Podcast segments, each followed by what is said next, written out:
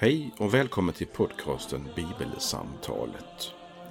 I den här podden ska vi försöka göra det som titeln utlovar, nämligen samtala om texter från Bibeln. Vår tanke är att varje vecka dela ett samtal om den text från något av evangelierna i Nya Testamentet som är särskilt aktuell den kommande söndagen. Fokus är just samtalet. Kanske kan det inspirera fler till att samtala om bibeltexter.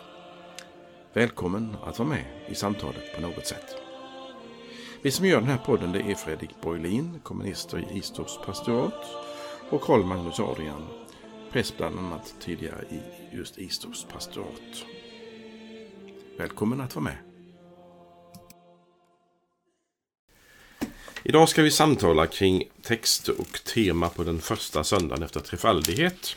Där rubriken är Vårt dop. Och eh, även idag inleder jag med att läsa texten i tredje årgångens läsningar. Och texten är från Matteus kapitel 3 från vers 11. Johannes döparen sa, jag döper er med vatten för omvändelsens skull. Men han som kommer efter mig är starkare än jag, och jag är inte värdig att ta av honom hans sandaler. Han ska döpa er med helig ande och eld. Han har kastskåveln i handen och skall rensa den tröskade säden och samla vetet i sin lada, men agnarna ska han bränna i en eld som aldrig slocknar. Så lyder det heliga evangeliet. Lovad vare du, Kristus. Eh, vi har en dopsöndag tidigt på kalenderåret i januari. Då är det Jesu dop. Mm. Eftersom den tiden i kyrkoåret handlar om att tro på Kristus. Mm. Och nu handlar det om att leva med Kristus. Ehm, så nu är det vårt dop. Och då kan ju någon som lyssnade på det jag läste naturligtvis säga att eh, vad, vad, han, vad står det om mitt dop där? Mm. Det lyser med sin frånvaro på något vis, kan Mm. det tyckas. Men vi tänker tala om det ändå, Ja. Fredrik och jag. Och jag ska inleda lite grann med tankar kring det här. Mm. Ibland har jag en idé eller en tes eller en illusion eller förhoppning. Illusion är kanske dåligt sagt. Och det är att det man gör i kyrkan, det vi kallar för liturgi, Mm. som betyder det folket gör. Alltså det är skeendet, det som händer, det ska visa vad man tror på. Mm. Alltså man gör ingenting bara för sin egen skull, utan man gör det för att det visar någonting, en insida. Genom handlingen så, ska man, så gör man tydligt varför man gör det man gör. Mm. Sen kommer orden och liksom gör det ännu tydligare. När vi döper en person, antingen genom att eh, ösa vatten över huvudet eller när personen vadar eller doppar i någon sjö eller någon bassäng, Eh, så säger ju dopet någonting om vattnet. Och då är det ju inte långsökt att tänka, även för den som inte är intresserad av teologi, att vatten, det har väl med rent att göra ändå på något vis. Och så tänker man vatten och rening och så. Det är nog det som kommer ganska tidigt för en människa, även om, som, inte varken, kanske inte är troende eller kanske inte är intresserad av teologi. Att vatten handlar ändå om liv, rening eller någonting sånt. Mm. Det tror även du, Fredrik. Mm. Att om du inte hade varit kristen så hade du nog tänkt att det är, no, det är någonting med renhet kanske, Mm. eller renande och så. Kanske hade jag tänkt så också. Ehm, sen när vi lär oss om dop i olika sammanhang. Man kan ju, som det heter, döpa en båt. Mm, just det. Har man en flaska som hänger i ett snöre. Och så, jag vet inte om det är champagne eller vatten i flaskan. Och så står det någon potentat där och håller i flaskan och sveper den i en stor rörelse mot båten. Så, så går det sönder och så är, så är båten döpt. Eh, då vet ju vi som håller på med teologi och ord att vi, vi vill hellre kalla det för namngivning. Mm. Men det, och dop används ju i sådana meningar också. Mm. Eh, när vi döper i vår kyrka, eller när jag blev döpt, så är det oftast hos oss barn det handlar om. Jag har inte döpt många vuxna, men det har hänt. Någon i Helsjön och sådär. Ehm, men annars är det ju med vattenbegjutning och så. Och då kan man säga att dopet utan ord, det är inte så väldigt lättbegripligt. Mm. Eh, alltså om jag skulle ta ett barn och inte säga någonting, gå fram till en dopfunt i kyrkan och hälla vatten på huvudet, så talar inte det så starkt utan ord. Nej. Och um, jag kan väl fråga, nej jag ska inte fråga min kära pastor här, om man kan luthersk förklaring i, i lilla katekesen. Om dopet. Nej, om vattnet. Nej, inte, inte så. Nej, det var verkligen inte tänkt att jag skulle göra det svarslös. Nej. Utan jag vill poängtera en sak som kommer fram där. Och det är eh, vatt, dopet och ordet. Ordet med dopet. Mm. Ordet med vattnet. Säger någonting. Eh, och det är det som kan vara min ingress. Att dopet som handling utan ord. Mm. Det kan eh, antingen missförstås eller man tänker kanske vattenrening och sånt där. Sånt där. Men dop med ord säger någonting. Och då är ju vår kyrkas eh, bekännelse att dopet är instiftat av Jesus. Alltså en helig handling där det händer någonting. Och det återkommer jag till lite mm. senare.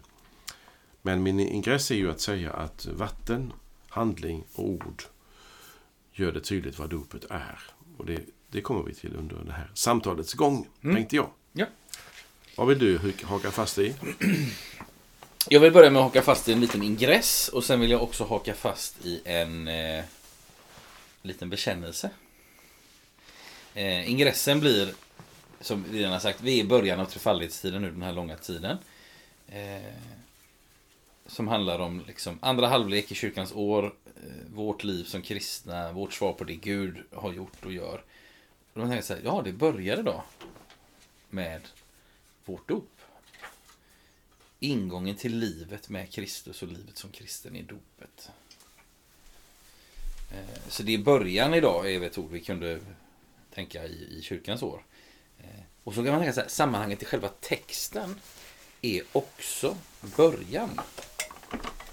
Två verser från Matteus 3. Eh, sägs av Johannes döparen som vi hörde Karl Magnus läsa alldeles i början av Jesu verksamhet.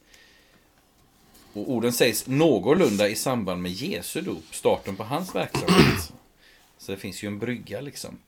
Eh, men som också Karl Magnus sa, Jesu dop handlar det inte om idag. Det är första söndagen efter trettondagen. Eh, för länge sedan. Eh, snart ett halvår sedan. Och nu är det vårt dop. Vårt personliga dop. Vårt dop i betydelsen det dop som Jesus har gett som en gåva och som en befallning till sin kyrka, sitt folk. Eh, men sammanhanget då, det var ju det som du adresserade lite. Eh, sammanhanget för, för texten då är Jesu dop, det som han mottog så att säga.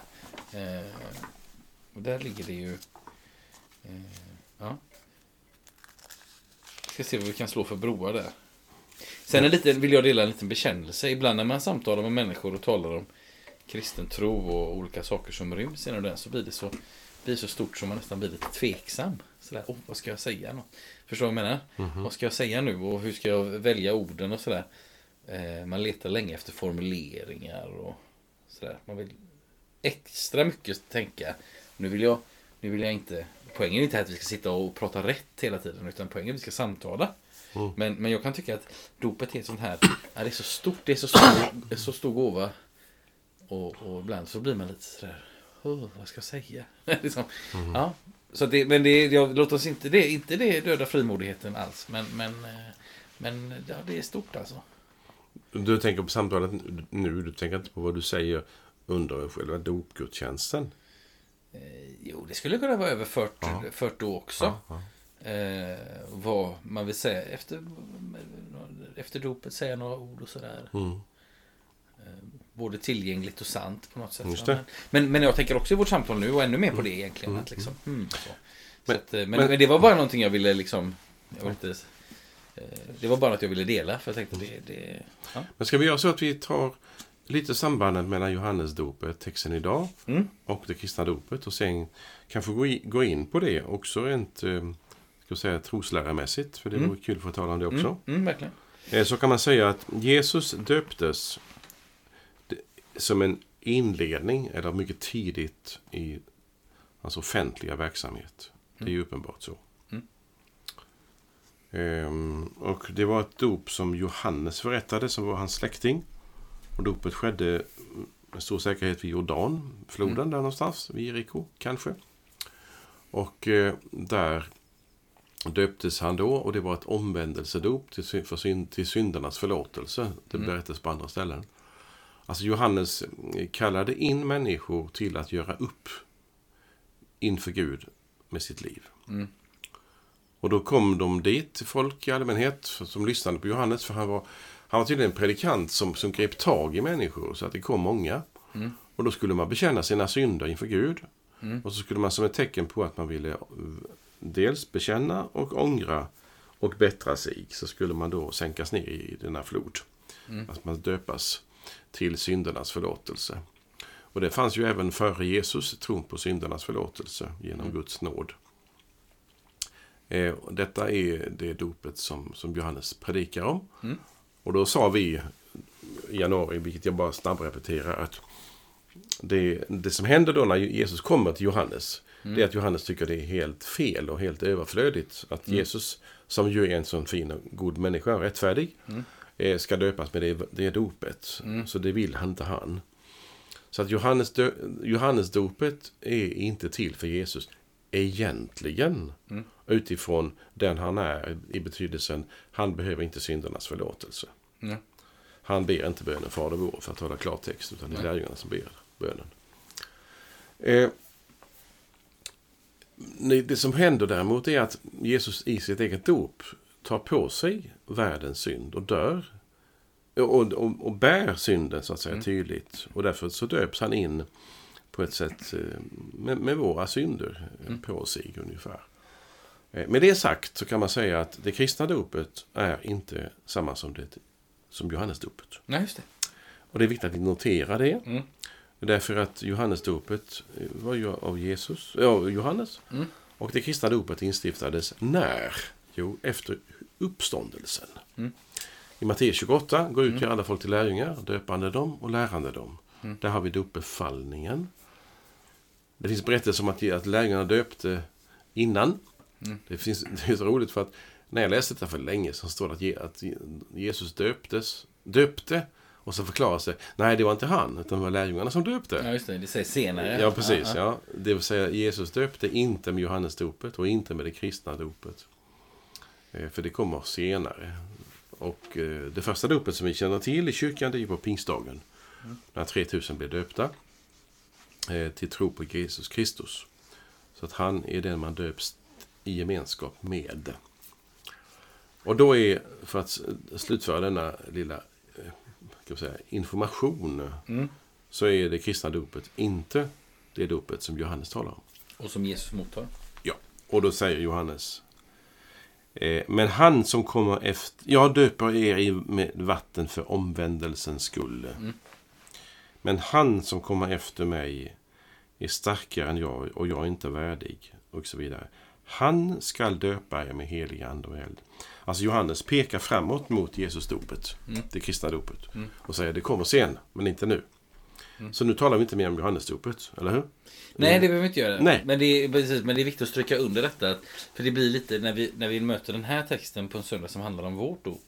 Så, så kan man tänka så här att utgångspunkten för att tala om det kristna dopet utifrån den här texten, då blir liksom utgångspunkten någonting annat. Det är som att, det, det är som om jag skulle säga så här, välkommen till den här kursen om äpplen.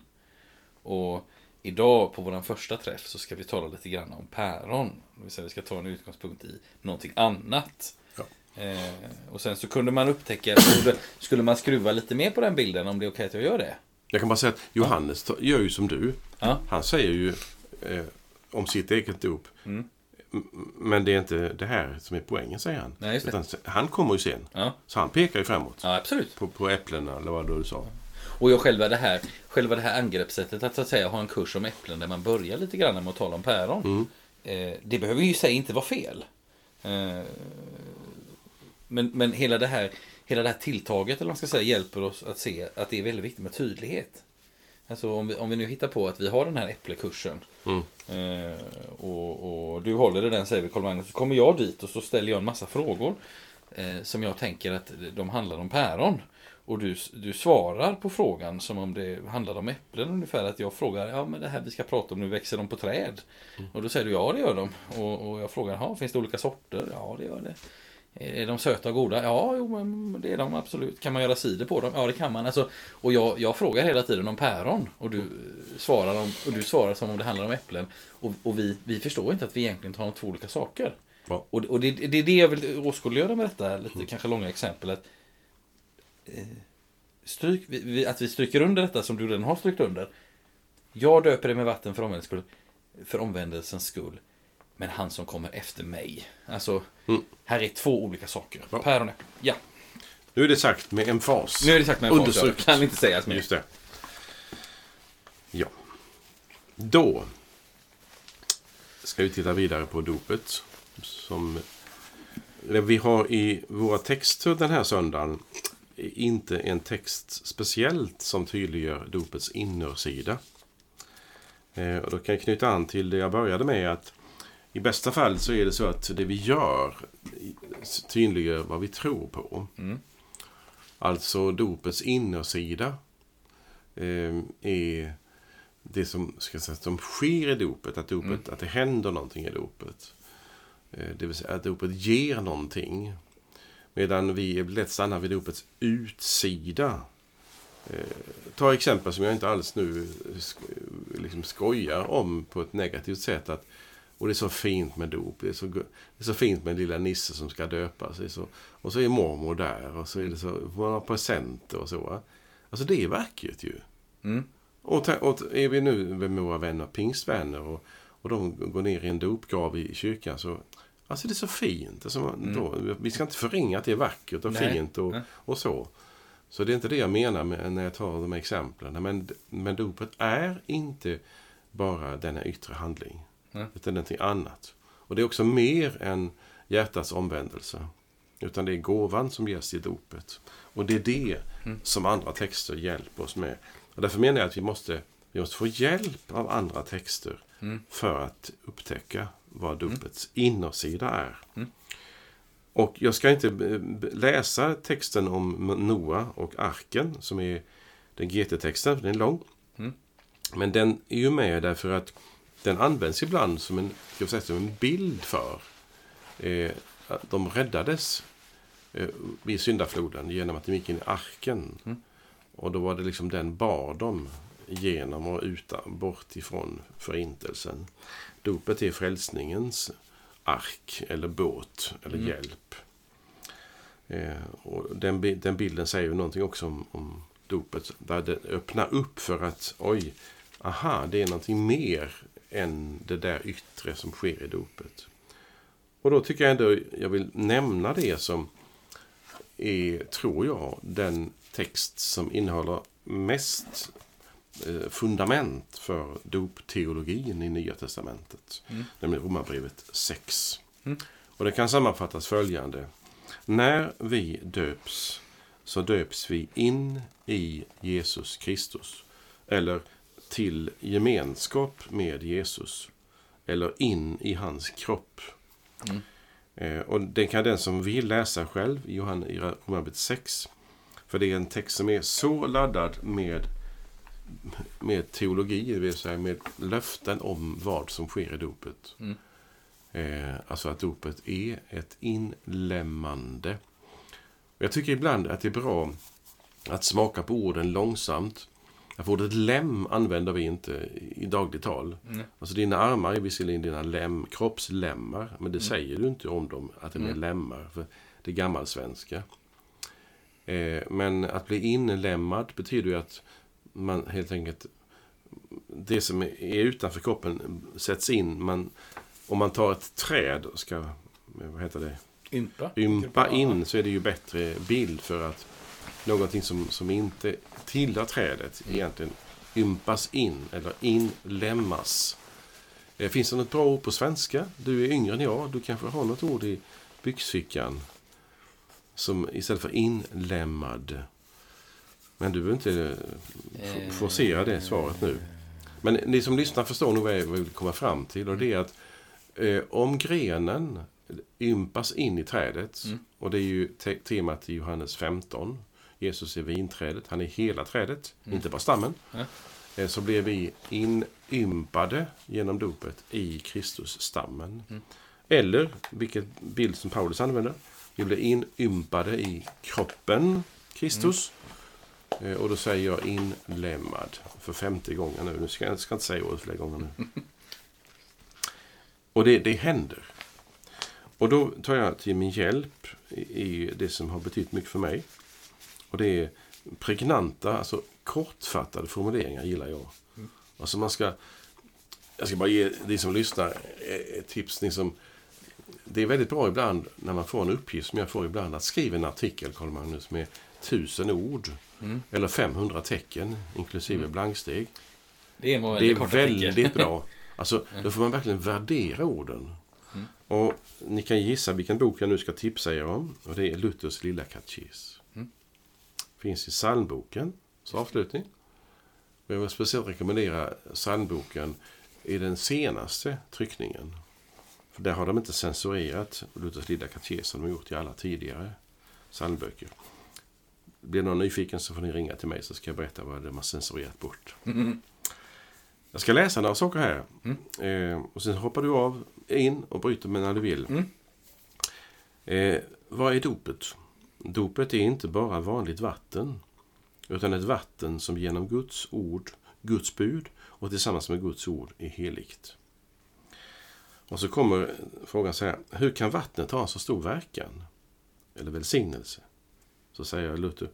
Det beror säkert inte på vattnet utan på Guds ord som är med i vattnet och på tron som litar på det med vattnet förenade ordet. Ty utan Guds ord är vatten bara vatten och inget dop. Men med Guds ord är det ett dop.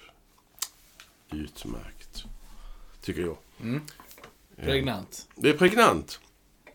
Det betyder att om jag nu skulle, eller du, döpa någon i Helsjön eller i Viskan så skulle inte jag i alla fall, nu ska jag inte tala om vad du gör eller skulle gjort. Jag skulle inte ställt mig på, i Helsjön eh, ut i vattnet och välsignat Helsjöns vatten. Det behöver jag inte välsigna, för det är va- vanligt vatten. Men när jag döper någon i detta vatten så är vattnet på ett helt annat sätt än brödet och vinet i nattvarden. Så är det handlingen med ordet som gör och ger löftet uppfyllelse. Alltså genom dopet i Kristus så ger Gud den som döps en möjlighet. Han, han, han inlämnar personen, nu sa jag det för sjätte gången, Ja. han inlämnar personen i sig. Men vattnet är inte konsekrerat. Vattnet är inte som brödet och vinet invigt, konsekrerat.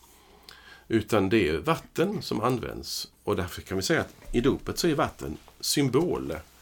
Men i nattvarden så är brödet och vinet ingen symbol. Utan det är Kristus till oss som får ta del av det.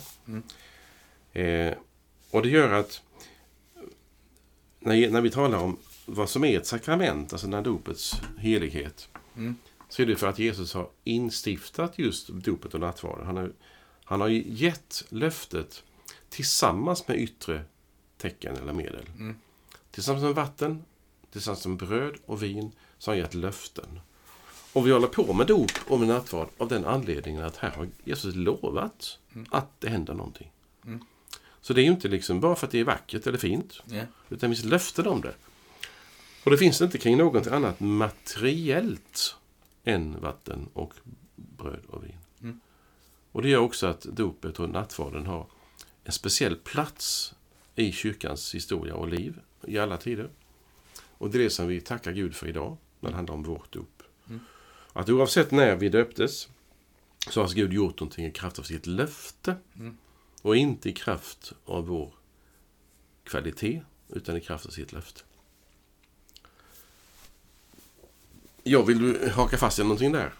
Jag vill, jag vill haka fast i, nu ska vi se här. Eller tänka vidare kring någon del där? En sak som, men det, nu, nu riskerar jag att börja på, eller liksom, ska vi se här. Alltså jag vill haka i. En sak som eh, jag tänkte på när jag f- förberedde för idag. Jag vet inte om det hakar i så mycket. Så om det, om det blir för mycket ett nytt spår nu så sparar vi det. Och så, Ja, ja, det gör ingenting. men det är ju detta, alltså vi, vi, har, vi har pratat om detta med, med Johannes talar om någonting, gör någonting, har en döparverksamhet och så, och så pekar han framåt mot Jesus. Eh, och så talar han ju också om att ja, men det är helig ande och det är eld och så vidare. Och, eh, och sen så säger Johannes så här. Han har kastskoveln i handen och ska rensa den tröskade säden och samla vetet i sin lada. Men agnarna ska han bränna i en eld som aldrig slocknar. Och då, tänk, då tänker jag så här. Vad, vad, eh, eh, hur, hur får jag liksom in det i, hur får jag in det i dopet? Eh, på något sätt va?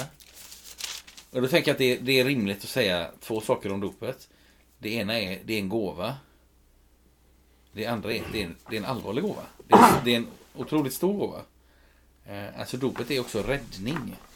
Alltså vi, vi var med på, du gav ju bilden om Noa Mm. och arken. Alltså det var ju, det var en räddning.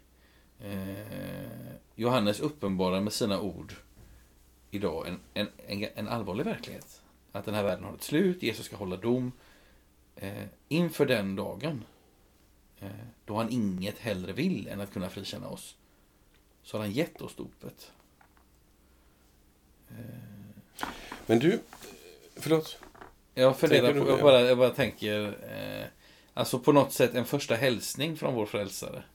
Det är ju en väldigt ofullkomlig bild nu inser jag. Men, men, men, men jag, liksom, jag tänkte så här, vad, hur kan de här orden som Johannes uttalar om säden och, och vetet och agnarna så att säga. Och, liksom, då, då gick min tanke till att, att dopet också har med, med evigheten att göra. Alltså liksom, nu, nu, ja, nej. Alltså, jag, jag tänker eh, ett eh, parallellspår och det är så här att Mm. när, när Johannes döparen pratar om sitt dop som ett Mm. omvändelsedop Mm. och så säger han men den som kommer efter mig ska göra någonting helt annat eller Mm. något mycket, mycket bättre. Mm. Då ska han, så använder han ordet eh, eld och ande och så. Mm. Men, men poängen i det här allvarliga som man säger det är att Mm. i mötet med Jesus så Mm. sker det det som Hebreerbrevet kallar för att ordet skär igenom och åtskiljer med, eh, Mm. alltså ont och gott, sant och Mm. falskt. Mm. Och det är precis det som eh, du och jag läste för många månader sedan. Mm. Nämligen han som säger så här. ehm, nämligen Simon i Mm. templet. Ja. Detta barn ska bli till fall och upprättelse för många. Mm. Inte fall eller upprättelse. Utan fall och upprättelse. I Johan, Lukas 2. Alltså när Jesus kommer så ska han så ska det bli man ska ta ställning för eller emot honom. Mm. Nu är det allvar. Och det är, det, det är allvaret ju. Mm. Att inför Jesus så är det ju han, han är besatt av en ond ande. Eller så är han Guds son. Mm. Han är antingen Gud eller så är han djävulen. Mm. Det så han, han angrips ju på det sättet. Mm, ja, precis som fariséer och... Ja, de, de menar att han är... Han, han, de säger, du gör detta med Belzebul. Så säger Jesus att om jag, om jag botar en person så, så, bekri, så angriper jag ju djävulen. Har han kommit i strid med sig själv? Jag kan inte vara den onde. Nej. Men alltså, i mötet med Jesus har ju alltid väckt strid. Mm. Och det är det allvarliga tycker jag. Mm. Och det är det som jag tror Johannes menar att när Jesus kommer, vänner, då ska, då ska det bli ett åtskiljande. Därför att han är så kontroversiell. Mm. Och det kontroversiella med Jesus, det är det som vi hade i förra veckans podd. Nämligen så här, jag är uppståndelsen och livet. Den som tror på mig ska leva om han än dör. Alltså inför ett sånt mening så måste ju varenda kotte säga antingen är det falskt eller så är det sant. Eller hur? Mm. Du kan inte säga jaså. Mm. Nej. Utan är, är, han, är han i det eviga livet Mm. så, så, är det ju fantastiskt. Men är han inte det, vad ska vi hålla på då? Mm.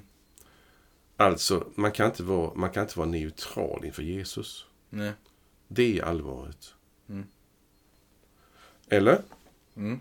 Jag tänker på när du, för du tog fram det här ju, Johannes ord att Mm. Han ska eh, ha kastskåven i handen och ska rensa den tröskade säden. Alltså i mötet med Jesus så är det ju omedelbart höger eller vänster. Mm. Du kan inte vara neutral. Nej. Eller?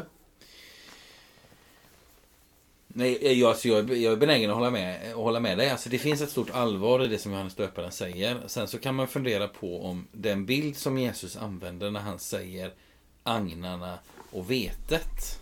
Eh, Johannes döparen säger. Ja, förlåt, som Johannes döparen säger. Mm. Eh, agnarna och vetet. Eh, och då kan man fundera på så här. När Jesus talar till exempel om fåren och getterna. Mm. Så är det liksom två olika bräkande djur. Mm. Förstår du vad jag menar? Mm. Vissa till höger, andra till vänster. Mm. Och man skulle kunna applicera den här bilden så. Och ibland använder vi ju i dagligt tal. När man vill vara lite sådär frejdig och, och, och prata om att eh, nu är det nu är det någon utmaning här. Nu ska, nu ska vi göra någonting utmanande. Ja, ja, då skiljs ju agnarna från vetet. Absolut. Ungefär i bemärkelsen att, att vissa står pall och de är duktiga och, och är vete och andra Mm. är och orkar inte med och de är hanglar. Men jag skulle säga, jag- jag är också benägen att tro att när Jesus talar om agnar och vete så är det ju så att säga det är del av samma vetekorn. Eh, alltså det är del av samma växt. Det är, det är någonting som skiljs från någonting annat. Mm. Mm. mm. Eh, det är inte ogräset och vetet som Jesus talar om en annan gång. Mm. Att vetet lägger vi på ladan Mm. och ogräset bränner vi upp. Utan, utan på något sätt så handlar det liksom agnar och vete, det är liksom det, det, det, det hänger, alltså det... Jo, all, alltså, Alltså ja, i mig finns agnar och vete. Jag är inte agn eller vete. Alltså förstår du så? ja, alltså det är ju jag, det är ju varje människa som, som blir provocerad av Jesus ju. Mm. Det åtskiljer ju någonting. Mm. Hebreerbrevet säger väl det när, när ordet särskiljer, vad så där, märg och ande. Ja, Vi nej. kan slå upp det. Ja. Medan du gör det så kan jag eh, citera, du har ju en saltarblogg, inte podd. Utan blogg. Ja, den har varit lite vilande nu ett tag, Ja. men tack för Och där, där har du gått igenom Psaltaren 1, vers 4. Ja. Inte så de gudlösa, de liknar agnar som vinden för bort. Eh, står det om, ja. Det vill säga, det här, det, här med de två alternativen. Mm. Eh, två vägarna, det är ju, det är ju inte det är ju inte din och min olika, alltså att du går ett håll och jag åt ett håll bara. Det, alltså från getterna som du pratade om. Mm. Utan det handlar om att varje människa ställs inför. Och det är därför menar jag som Simons ord är så viktiga att, att läsa rätt och inte läsa eller utan och. Mm. Ursäkta att jag är komplicerad för er som lyssnar nu. Jag ska läsa det igen. alltså det, det gamle Simon säger i Lukas evangeliet eh, i kapitel 1, eh, förlåt 2. Det är att denna Jesus blir till fall och upprättelse. Alltså att han både fäller och upprättar varje människa. Mm. Alltså när jag möter Jesus så kan det vara så att jag upplever honom som oerhört provokativ. Mm. Som oerhört besvärande. Mm. Det, det är jobbigt med Jesus. Mm. Alltså det är som om han, han tar kniven i det här lilla fröet som du antyder om. Så skär han där. Mm. Och delar agnarna från vetet, eller hur? Mm. Alltså det händer någonting i mötet med Jesus Mm. som är väldigt kraftfullt. Mm. Och då blottar det Mm. mitt inre. Mm. Eh, och och det, det är på kraft, det är så att det, det händer när man kommer nära Jesus. Ja, Nu läser jag texten, Hebreerbrevet 4. tack. Står det så här. Ty Guds ord är levande och verksamt. Det är skarpare än något tvegat svärd och tränger så djupt att det skiljer själ och ande, led och märg och blottlägger hjärtats uppsåt och tankar. Ingenting kan döljas för honom. Allt skapat ligger naket och blottat för hans öga. Och inför honom är det vi ska avlägga räkenskap. Tack för att du läste i sin kontext och på rätt sätt. Tack för det. Men, men tror du inte att det kan vara en, en vettig kombination till vår evangelietext med Johannes fortsättningen? Det som du tog upp nyss. Mm. Med det allvarliga. Att det är verkligen det som han förutspår, eller han förutsäger i sitt ord. Mm. Eh, Johannes alltså, om Mm. Jesus. Mm. Är det så du menar också? Ställ frågan igen. Alltså när Johannes säger eh, i dagens text. Mm. Han har kastskåven i handen och ska rensa den tröskade säden och samla vete till agnarna Mm. och ladarna och så vidare. Mm. Så är det detta han talar om. Mm. Alltså det är, det är särskiljandet i varje människa. Mm. Jag ställs, du ställs inför Mm. frågan Jesus är Guds son, världens Mm. frälsare. är han det för dig och för Mm. mig? Eh, till det kan jag inte säga jaså. Nej, just det. Sen måste jag inte omedelbart säga jag tror eller nej jag tror inte. Jag kan ju säga jag vet inte vad jag tror. Mm. Det, är också en, det, menar, det är också en väg Mm. som man får ta på allvar. Jag, jag, ska inte, jag är inte färdig med min antingen tro eller min icke-tro. Nej. Jag kan vara på väg till tro. Mm. Jag kan vara också på väg till icke-tro, det vet jag inte. Men det finns ju någonting som händer med ordet. Så Alltså när ordet går ut så, Mm. så sker det någonting i en människa. Mm. Och jag tycker det är bra därför när, man, när det handlar om Jesus att det är en... Alltså, du vet när man, när man skojar ibland ne- negativt om att vissa personer vänder kappan efter vinden. Mm. Ena dagen säger de så, nästa dag tar de tillbaka eller så. Mm. Men Jesus gör ju inte det, utan han säger vem han är. Mm. Och ser, några blir ju överlyckliga och säger tack gode Gud för Jesus. Mm. Och de säger vi står inte ut och lyssnar på den här typen. Just det. Så. Det är ju någonting som är provokativt. Mm. Och, och det är väl bra också att man i denna tillvaro där allting är ifrågasatt och allting är relativt nästan. Mm. Så har vi en röst som på gott och ont för varje människa säger precis rakt upp och ner. Så här är det. Vitt är vitt, svart är svart. Mm. Och den provokationen är ju också vägen för att nå oss med frälsningens ord. Mm. Det är Jesus som är världens frälsare. Mm. Varsågod. Så det, det, jag tror att det Mm. Johannes syftar till. Så om jag förstår det rätt, det du menar är att det som Johannes döparen säger idag om eh, kastskoveln i handen, tröskade säden, agnarna och så vidare. Det handlar om så att säga ett skeende när en människa får höra budskapet om Jesus. Då, då på någonting, då, då, sta, då, då, då liksom går den, då händer det någonting i den människan. Jag kan inte säga, jaha, okej. Utan det blir, jag blir provocerad eller jag blir nyfiken. Eh, Ja, absolut. så. Och, och, och, då, och, då, och, så säga, och, då menar du så här att nej, men det handlar mer om när, när, så att säga, när, när ordet kommer till en människa. Eh, då, då händer det som Johannes döparen beskriver. Och Johannes döparen talar egentligen inte om liksom, den yttersta dagen. Inte, inte absolut om, just om den dagen. Utan Jesus säger också att den som tror på mig eh, ska ju ska in, ska, så att säga, ska inte till domen utan har övergått från döden till livet nu. Det är ju här skiljandet sker. Mm. Alltså, i- det är ju nu som, som liksom han går ut och erbjuder oss Mm. möjligheterna.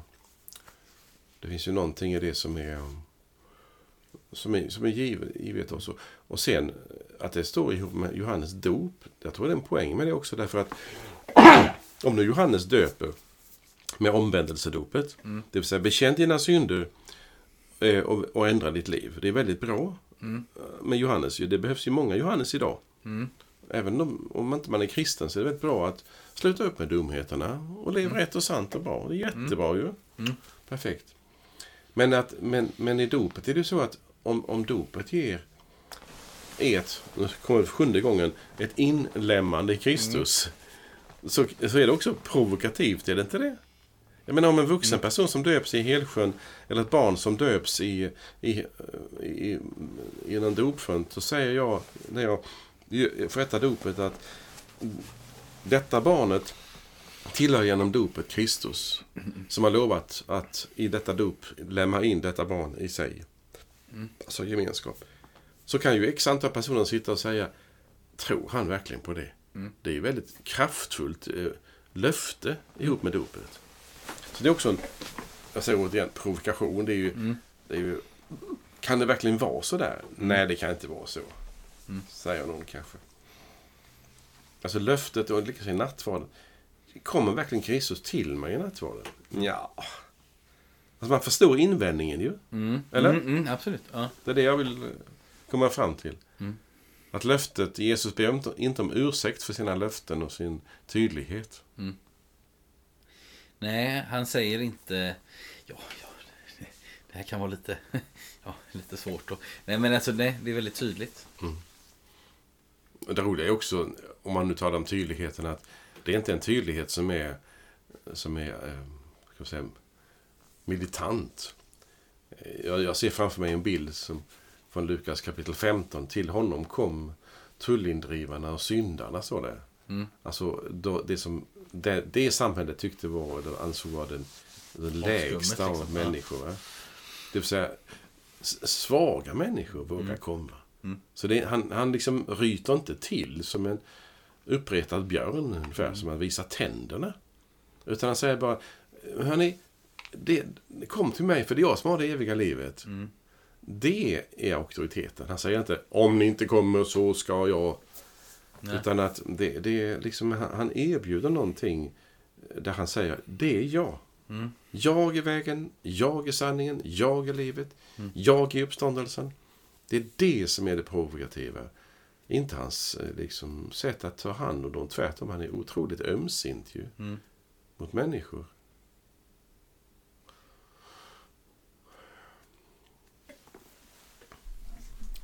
Ja, Man kan fundera på, vi, vi börjar närma oss, eh, det är inte jag som ska säga att vi börjar närma oss någonting, det är du som leder samtalet idag. Men det spelar ingen jag, roll. jag, ville stanna till vid, jag ville stanna till vid en sak, detta med, med eh, Alltså detta som du har beskrivit nu, alltså i dopet har jag blivit inlemmad och så vidare. Och så tänker jag så här, ja, men om, om, om om det, om det är så, vilket jag tänker att det är, så att säga, eh, så betyder det ju att all, alla, det här är en verklighet för alla som är döpta. Eh, och, och dig som lyssnar och sådär. Och, och det här att dopet är verkligen en gåva. Eh, och då kan man tänka med, jag kan tänka på alla de gåvor jag har fått i mitt liv så, så vissa gåvor har jag kanske under lång tid haft i, i byxfickan. Eh, jag tänker inte bara på en mobiltelefon. Men, men alltså ni förstår vad jag menar.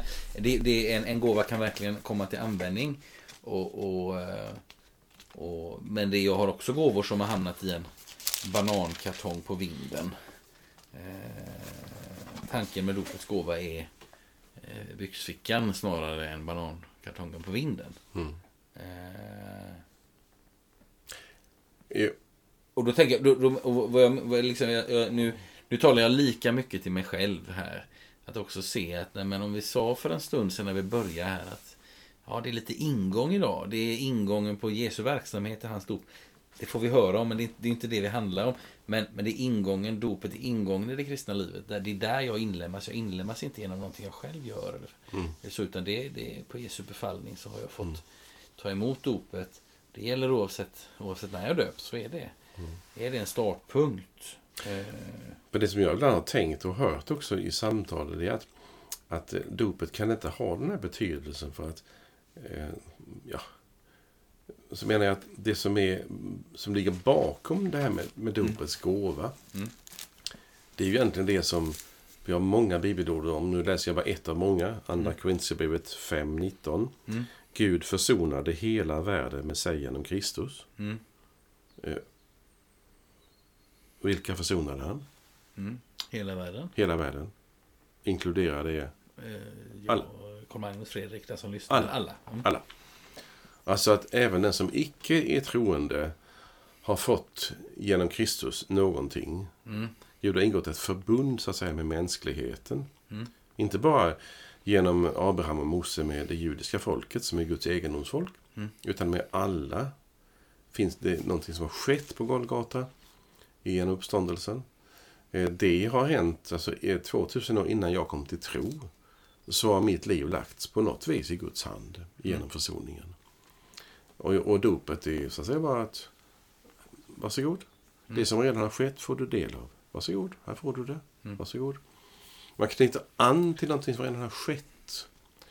När man omskar eh, åtta dagar gamla pojken i Israels historia i Gamla Testamentet så sa man eh, nu är du med om någonting som redan har skett.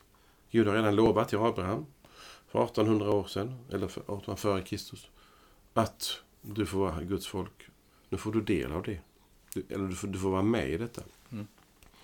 Det är alltså liksom så att gåvan är redan ja, den har redan levererats på något vis. Mm. Och sen säger vi för att vara tydliga och det är, och det är att vi tar emot gåvan genom dopet och genom tron.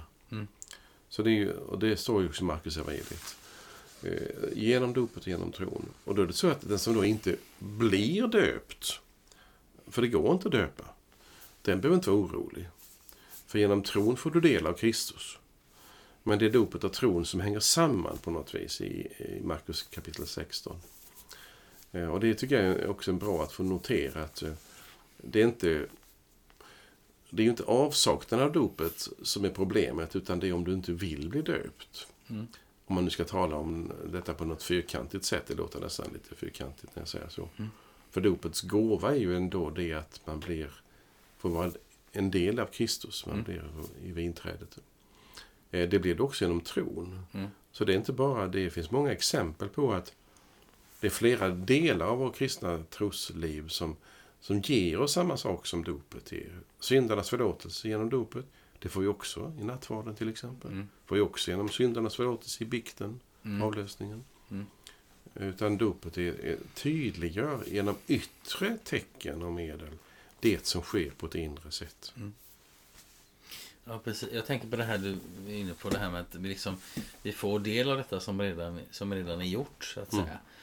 Eh, och jag tänker, det blir också ja, i, i, liksom, i våran kontext nu när vi sitter här och pratar och vi, det kommer framtida avsnitt och sådär, vi ska gå in i trefaldighetstiden där det blir mycket fokus på livet med Kristus. Och det, det, sånt kan ju ibland leda till att liksom, nu är det mitt lärjungaskap och det är mina projekt och sådär. Alltså, och då tänker jag så här, nej men så viktigt då att också tala om detta, att nej, men dopet är grunden och där handlade Gud med oss. Absolut. Eh, jag, jag skulle vilja läsa bara ett jättekort bibelord som jag tycker sätter ord på detta. Ifrån Titusbrevet 3 står det så här. När Guds vår frälsares godhet och kärlek till människorna blev uppenbara räddade han oss. Inte därför att vi gjort några rättfärdiga gärningar utan därför att han är barmhärtig. Och han gjorde det med det bad som återföder och förnyar genom den heliga Ande. Det var ett gott slut. Tack för det. Tack själv. Vi tackar dig för att du har lyssnat och önskar dig Guds välsignelse. Och säger hej då. Hej då.